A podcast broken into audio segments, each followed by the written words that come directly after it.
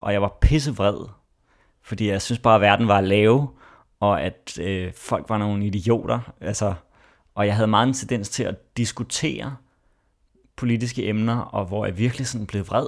Altså, og jeg tror også, jeg havde en eller anden forestilling om, at hvis jeg bare bliver så knivskarp, velformuleret og har alle mine facts fuldstændig straight, og jeg kan bevise, at, øh, at jeg har ret, så vil jeg også kunne vinde folk over på min side eller sådan noget. Du lytter til spejlet. Tusind portrætter. En generation. Jeg hedder Sara Fondo.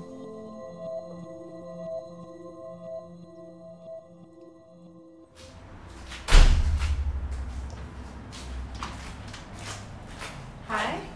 Er det Rasmus? Ja, Sara. Hej. Hej. Hey, goddag. Goddag. Kom ind. Tak. Det er mit værelse. Ja, skønt. Og, og stuen. Skal jeg lige smide mine sko? Ja, det Jeg går ud fra, du. Vil du gerne have kaffe? Det kunne jeg godt overtales til. Forleden sad jeg på Reddit og scrollede gennem en tråd, hvor der blev diskuteret, om vi har nogle sekter i Danmark. Og der blev det her Martinus Institut nævnt. Så jeg blev selvfølgelig nysgerrig og prøvede at blive lidt klogere på, hvad det er. Og jeg ved nu, at øh, Martinus var lidt af en øh, nordjysk profet og mystiker, der altså har skabt det, der kendes som Martinus åndsvidenskab. Det er en form for filosofi, som flere tusind mennesker stadig følger i dag, selvom Martinus gik bort tilbage i 80'erne. Og i dag i spejlet, så har jeg altså fundet en ung Martinus-tilhænger ved navn Rasmus, som jeg er rigtig, rigtig spændt på at tale med, for jeg vil selvfølgelig gerne prøve at vide mere om, hvad alt det her går ud på, hvordan han selv er blevet en del af det, og hvilken indflydelse det har haft på hans liv, og ikke mindst, om han selv ser det som en sekt. Rasmus, vi har, øh, vi har sat os her på dit øh, spisebord i din stue, og vi har lige været inde på dit øh, værelse og hente to bøger, der ligger her foran os. Der er en øh, knaldblå en her, der hedder Martinus verdensbillede, og en ved siden af, der hedder øh, Martinus det tredje testamente. Og vi skal jo næsten lige øh, spole lidt tilbage, hvis man som lytter skal øh, være med på, hvad det egentlig er, der ja. foregår, fordi at jeg forestiller mig ikke, der er særlig mange, der kender til Martinus, i Nej. vores alder i hvert fald. Nej. Øhm, men, men mit mål i dag, det er jo lidt at forstå, hvem du, Rasmus, er kvæg dine oplevelser med Martinus Institut. Men øh, hvis vi skal starte med at forstå, hvordan du er blevet introduceret for Martinus, hvordan har din start været? Jeg mener, jeg var 21. Eller 22. Sådan noget. Og øh, det var faktisk min fars barndomsven. Øh, han fortalte, øh, han kendte lidt til det her med, at øh, han fortalte, der var en, der hed Martinus, som havde skrevet om, at vi udvikler os gennem reinkarnation fra liv til liv, hvor vi tager vores erfaring med os fra primitive planter til mere højt udviklede planter, til primitive dyr, til mere højt, ikke, højt udviklede dyr, hvor vi sådan er nu. Og han vidste ikke mere om det. Altså, han tror faktisk heller ikke på det rigtigt, men han kender til det, og det fangede bare min interesse ret hurtigt, og så gik jeg hjem og googlede det, og fandt øh, en masse film på YouTube, og begyndte sådan at selvstudere det. Og den der interesse, den, den er bare holdt ved. Mm. Der gik faktisk syv år, hvor jeg havde siddet med det selv og studeret det, før jeg tog op på Martinus Center der på Klint. Det ligger oppe i Nykøbing, Sjælland.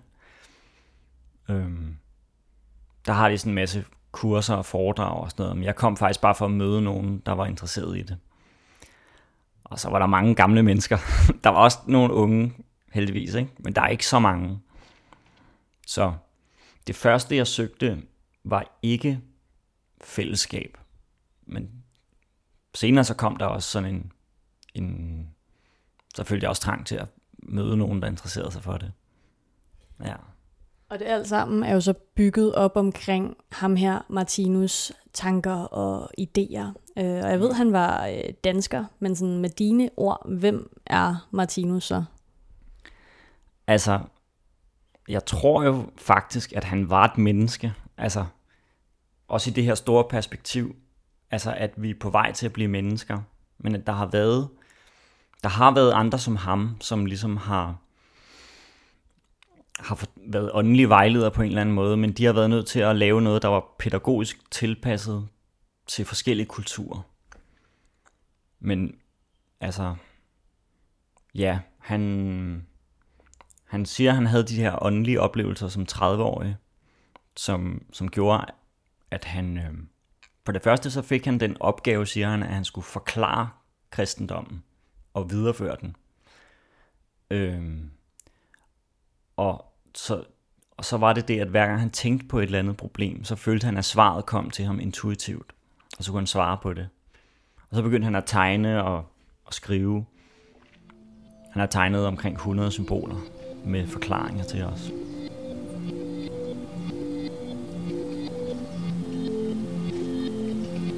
Lige nu sidder jeg i min stue, og jeg ser mig selv i spejlet.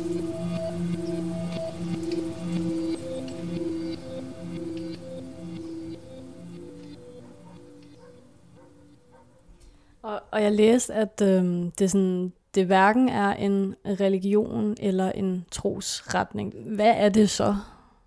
Altså, der er jo et religi- religiøst aspekt, aspekt i det.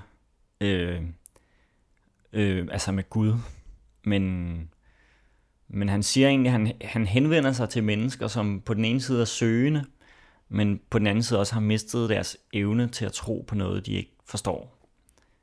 Og det har jeg altid haft det sådan, jeg kan ikke tro på noget, jeg ikke, som jeg slet ikke kan forstå. Øhm, så før jeg fandt det her, der var jeg sådan meget... Øhm, jeg, jeg tror altid, jeg har været åben over for, at måske er livet evigt, og måske bliver vi født igen og så videre. Men det der med Gud, det synes jeg var mærkeligt, fordi at... Og jeg kan huske, nu, jeg blev faktisk konfirmeret, da jeg var 15. Men, men det, var, det er der mange årsager til. Jeg var lige, jeg havde lige skiftet skole, og jeg følte mig sgu ikke rigtig som sådan en del af den her nye klasse, og alle de andre blev konfirmeret og sådan noget der. Men, men på det første, så synes jeg ikke, jeg kunne tage stilling til, om jeg skulle tro på Gud eller ej, fordi det hele tiden var sådan et meget abstrakt begreb. Jeg tænkte, jeg kan ikke tage stilling til, om jeg tror på noget, når det er fuldstændig udefineret, hvad det er. Og det andet, jeg havde et problem med, det var det her med, med Guds kærlighed, som der også står en masse om i Bibelen, at, at Gud er god og kærlig, og han bestemmer, altså, har, er almægtig og sådan noget.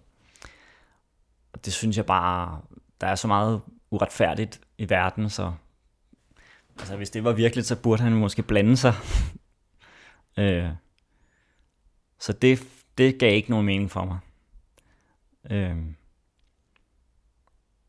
Ja, men altså, Martinus gudsbegreb er meget anderledes. Øh, eller, det ved jeg ikke, om det er, men det er meget mere, jeg synes, det er meget mere præcist, fordi han siger, at hele universet er et levende væsen, der har bevidsthed. Øh, ja, og der kommer faktisk også sådan en sjov kobling mellem kærlighed og logik ind i det, fordi han siger, at vi, vi føler os forbundet. Det er jo det her kærlighed, at man føler sig forbundet og det siger han, det er fordi vi er forbundet. Øhm, så ja, han har også noget, der hedder livsenhedsprincippet. Det betyder, at, at alle levende væsener består af nogle mindre levende væsener, og er selv en del af større levende væsener. Så atomer, molekyler, celler, øh, det kalder han for mikrokosmos. Dig og mig, mellemkosmos, og så deroppe af øh, jordkloden, solsystemer, galakser. Det, det kan jeg huske, det tiltalte mig også rigtig meget, fordi at jeg synes også, at jeg havde nok i forvejen tænkt, at jeg synes, et solsystem og et øh, atom ligner hinanden. Altså den her elektronen, der svæver rundt omkring kernen, eller om det er en planet, der svæver rundt omkring solen. Det ligner jo det samme princip. Øh, men det hele er så også et levende væsen, samlet set, og det, det er hans definition på Gud. Og guddommens sanser øh, igennem vores sanser. Altså guddommen har en bevidsthed og har sanseredskaber og har en, en organisme. Så øh, det hele er meget sådan organisk.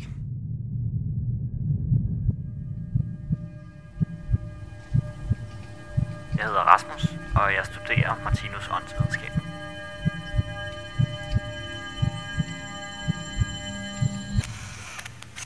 Hvad tror du folk tænker, når du fortæller, at du er en del af... Jamen, hvad vil man overhovedet kalde det? Jeg er stadigvæk i tvivl om, hvad man reelt vil kalde det. Jamen, man kan jo ikke være medlem. Man kan kun være interesseret.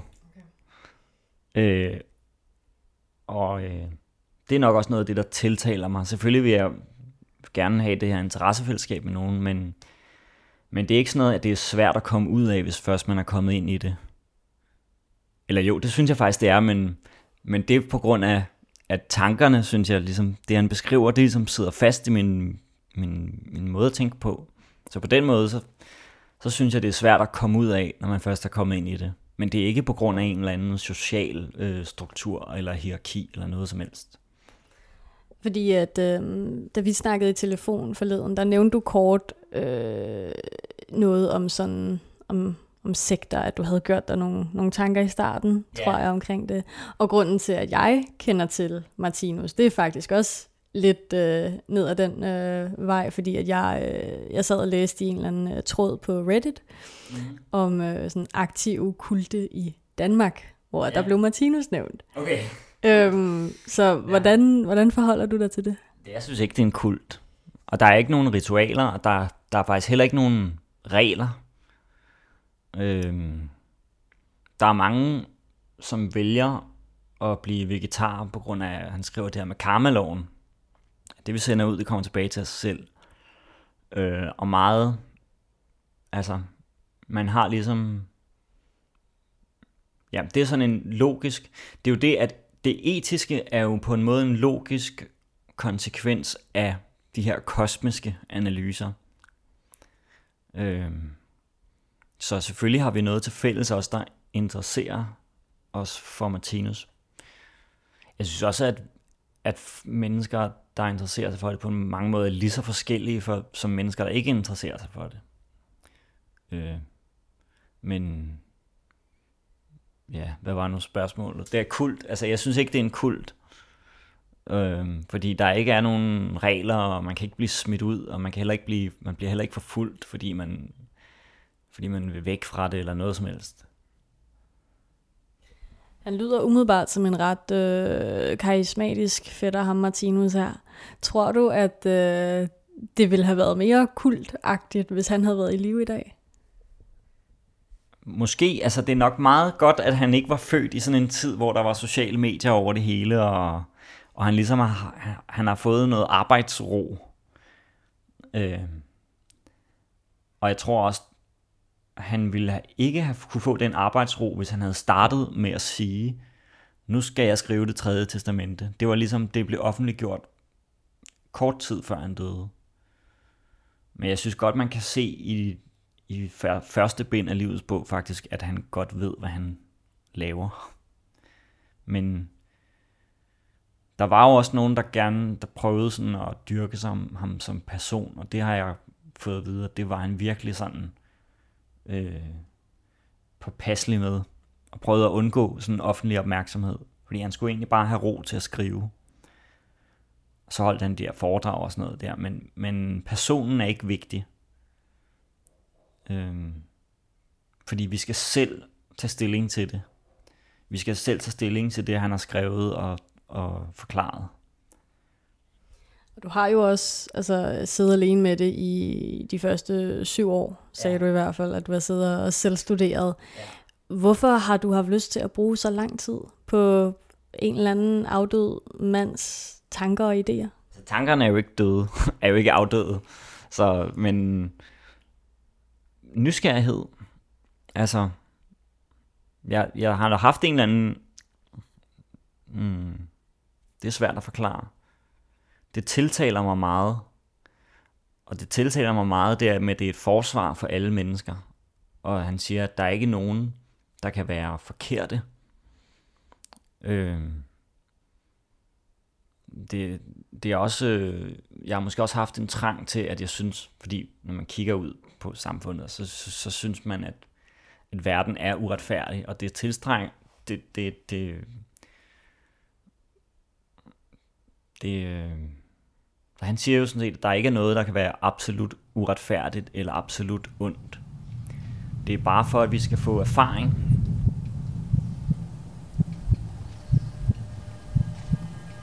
Jeg sidder foran spejlet. Jeg hedder Rasmus.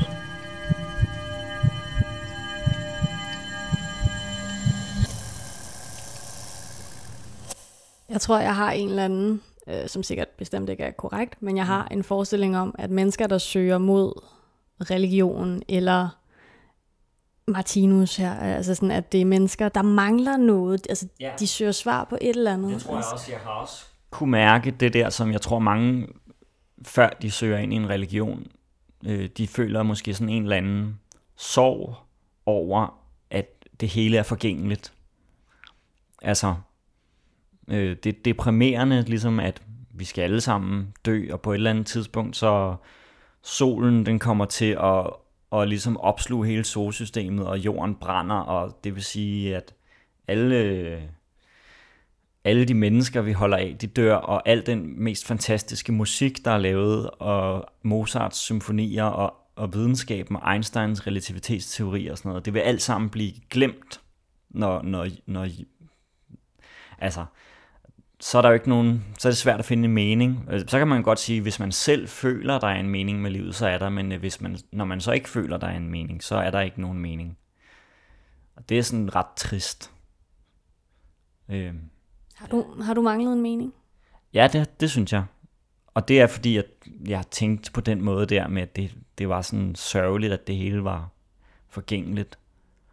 Øhm.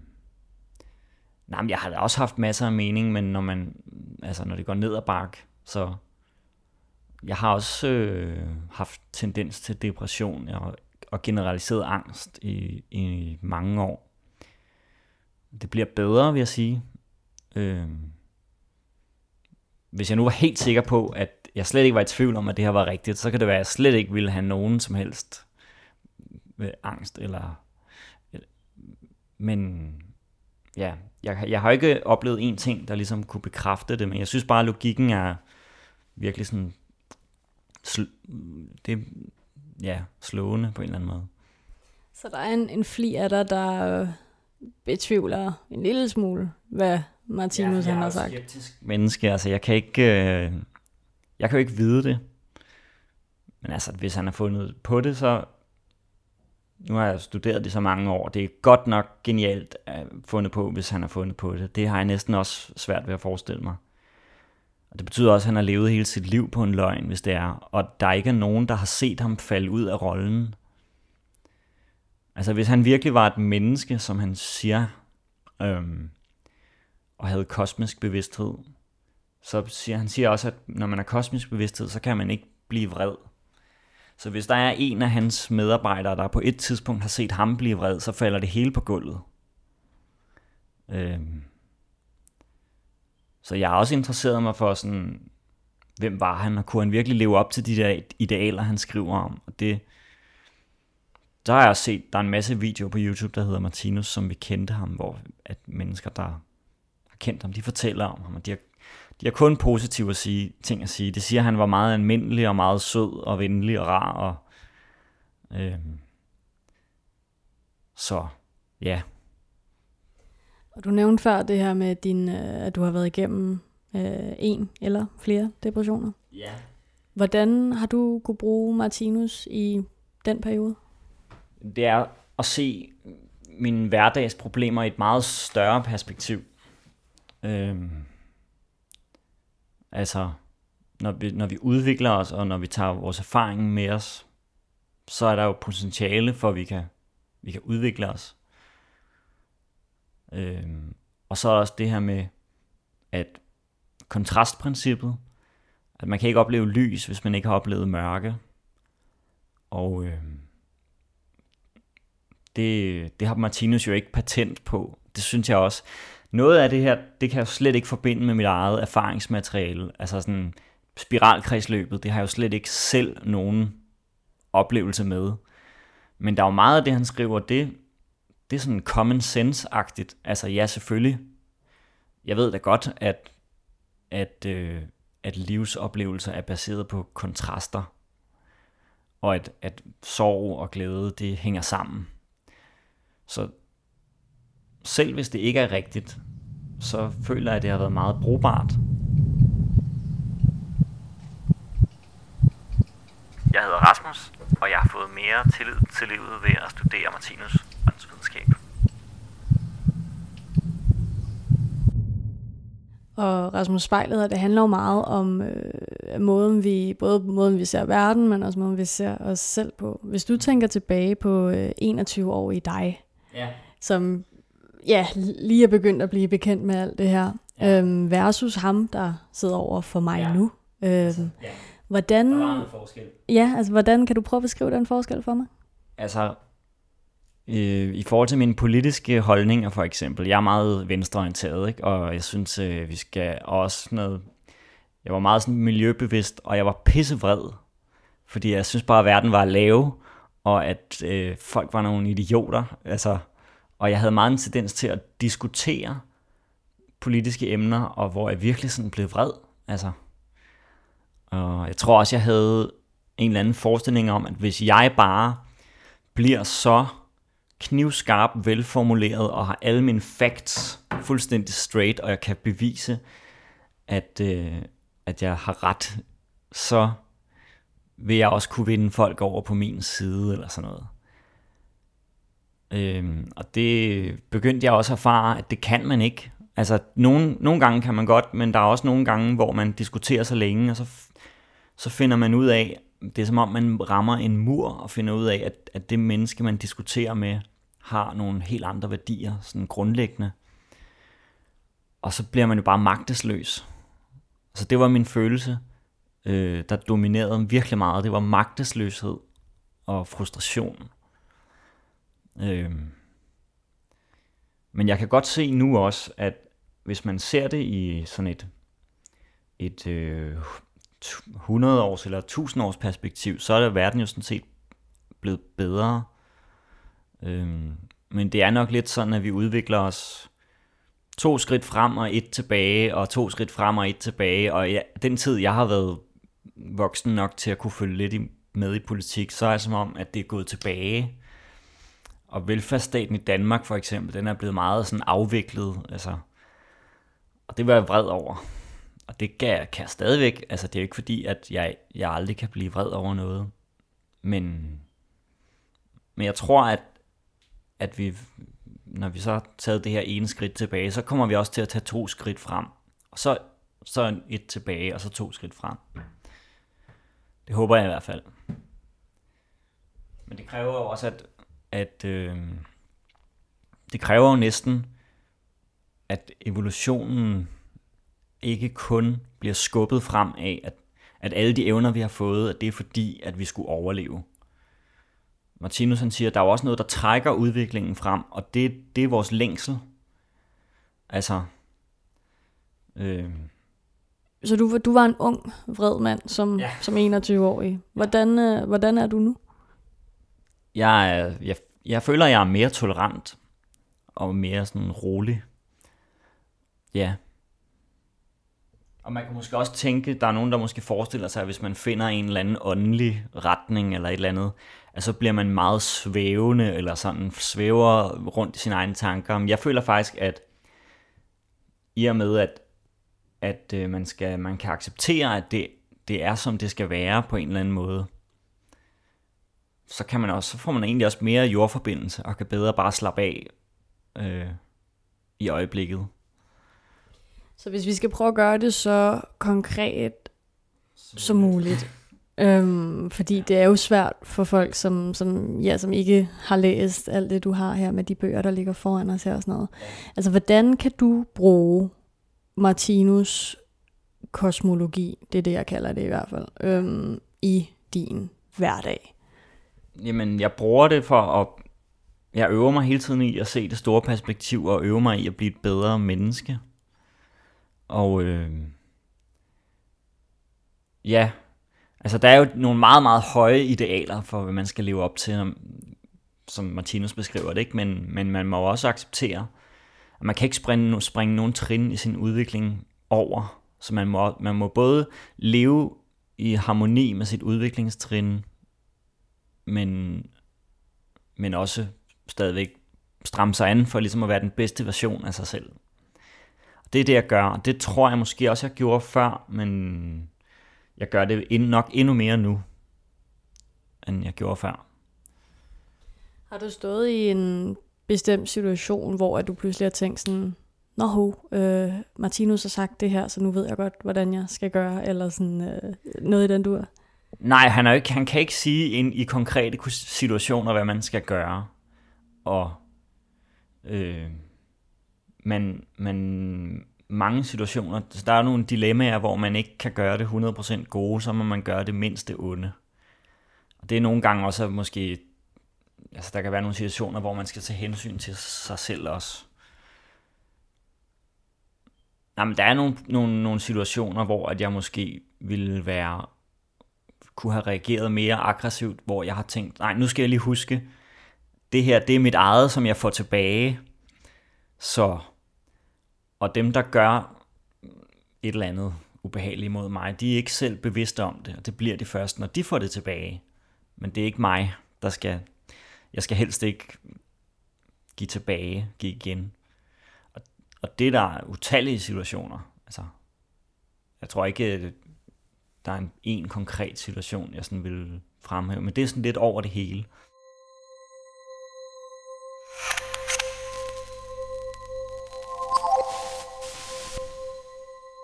Rasmus, og jeg ser mig selv i spejlet. Har du fået nogle reaktioner fra sådan øh, venner eller familie? Altså har de kunne mærke den her forvandling, du har, har været igennem? Jeg var faktisk... Øh, der var en lang periode, hvor jeg næsten lagde skjul på det, fordi jeg tænkte, at det er så tosset, at, at mennesker kan ligesom ikke... Øh, øh, jeg var faktisk bange for at få nogle kraftige reaktioner imod det. Øh, fordi at det ligesom er noget religiøst, og man tænker, at det er jo helt vildt naivt. Men jeg har faktisk, øh, efter jeg begyndte at blive bedre til at bare fortælle om det, hvis folk spørger, hvad det er, så jeg sådan opdaget, at der er ikke så meget modstand imod det egentlig. Der er nogen, der ikke er interesseret, og som ikke spørger så meget, og det er fint. Og så er der nogen, der er interesseret. Øh, ja. Hvordan var du bange for, at folk ville reagere? Øh, jamen altså, bare med afsky, eller... Øh, ja. Øh, at man ligesom bliver sat i bås, fordi jeg tror også, jeg, jeg har også tænkt om religiøse mennesker, at de skulle da godt nok naive. Altså at tænke, at man kan bare tro på et eller andet, der ikke giver mening, altså tro på det alligevel, eller Mm, altså, jeg har ikke selv reageret aggressivt over for folk, der var religiøse, men jeg har da tænkt, det var da mærkeligt. Altså, det er jo gammeldags, eller sådan, det troede man på i gamle dage, og nu er vi ligesom kommet videre. Altså, kom nu. Så jeg var nok bange for den fordømmelse selv. Øh, men jeg har ikke, øh, jeg er nok, det kan også godt være, at der er nogen, der tænker, at det er tosset, og så siger de ikke noget om det. Altså, det er jeg faktisk sikker på, det må der være nogen, der gør. Men det, det er jeg sådan ret ligeglad med efterhånden. Og det er jo også, nu har jeg oplevet faktisk i den seneste måned her, at jeg har fortalt om det, fordi jeg skulle op på Martinus-centret og være en, en uge der. Øhm, at der var nogen, der blev interesseret i det. Og det var sådan, jeg blev meget positivt overrasket over, at der virkelig var nogen, der synes, at det lød spændende og ville høre om det. Så jeg synes, at fordelene ved at være åben om det er meget større end, end den der beskyttelse ved at sådan have det lukket. Øhm, ja. Har det på nogen måde været svært for dig, sådan, eller nu tænker jeg primært på i starten, men altså selv at give dig hen til det, når du nu selv har haft nogle tanker omkring religion, som ikke har været så positive? Ja, jeg kan huske, da jeg først havde jeg jo fået præsenteret det som Martinus kosmologi, ikke? Og så begyndte jeg at selvstudere det, og så kunne jeg godt se, at der var mange citater fra Bibelen, og så tænkte jeg sådan, hvad, hvad er nu det? Og, og jeg tror også, det jeg havde, øh, de associationer jeg havde med, hvis noget er en sekt, det er, at man tror, det er noget, og så kommer man længere ind i det, og så finder man ud af, at det faktisk er noget andet. Øh, så jeg skulle lige forstå, hvorfor at det hedder det tredje testamente, og hvorfor han kobler det til kristendom. Øhm, der havde jeg sådan lidt, i starten, altså det synes jeg var lidt mærkeligt. Jeg tænkte, kunne han ikke gøre det uden det? Og jeg tænkte, at han ville favorisere nogle bestemte kulturer frem for nogle andre. Øhm, men altså, jeg forstår det godt nu, vil jeg sige. Altså, det kan godt være, at der er nogen, der forstår det endnu bedre, end, end jeg gør. Men men han har jo ligesom gjort det for at understrege facit. Fordi hvad skal vi bruge alle de her an- kosmiske analyser til? Det, det, det understreger han ligesom ved at sige, at vi skal gå vi skal gå den vej, Kristus gik. Vi skal simpelthen gå hele vejen for de der menneskelige idealer. Øhm. Men jeg havde, jeg havde meget svært ved at bruge ordet Gud. Det, passede, det, det lød mærkeligt i min mund fordi jeg virkelig havde forbundet det med naivitet. Og også altså det der med at tale om kristendom og, og, og bøn også, det synes jeg virkelig var sådan... Øh, jeg skulle virkelig vende mig til det. Ja. Altså har man ritualer som bøn inden for Martinus? Ja, men det er ikke, jeg vil ikke kalde det et ritual. Øh, men han siger, altså når vi når dertil, hvor vi får kosmisk bevidsthed, så kommer vi til at opleve livet som en samtale med Gud hele tiden, som en dialog. Altså automatisk så vil vi opleve det på den måde. Men det kan man så træne igennem bøn. Men man kan ikke bare bede om, om det, man godt kunne tænke sig, nu vil jeg gerne vinde i lotto og sådan noget. Sådan fungerer det ikke. Det fungerer mere som sådan en, at man, man træner sin bevidsthed til op til at, at, at forstå livet som den her samtale. Og hvad vil du sige er den ultimativt vigtigste lektie, som du har lært af Martinus? Det er næstekærlighed. Og, og øh, at man ikke skal dømme andre. Øh, og man skal også være ja, det er, at alting er, som det skal være. Der er ikke noget, der kan være absolut forkert. Der er noget, der er ufærdigt. Altså, der er nogle skabelsesprocesser, som ikke er færdige. Det siger han også, ligesom han sagde, siger, at et æble, det har et surt stadium. Og hvis man bedømmer menneskeligheden, som de er nu, så dømmer man ud fra det sure stadie. Det er en fejlbedømmelse. Øhm. Og jeg kan jo godt se alt det, der er ufærdigt, både i mig selv og i andre, men man skal jo koncentrere sig om det i sig selv. Man skal jo selv være den forandring, man gerne vil se.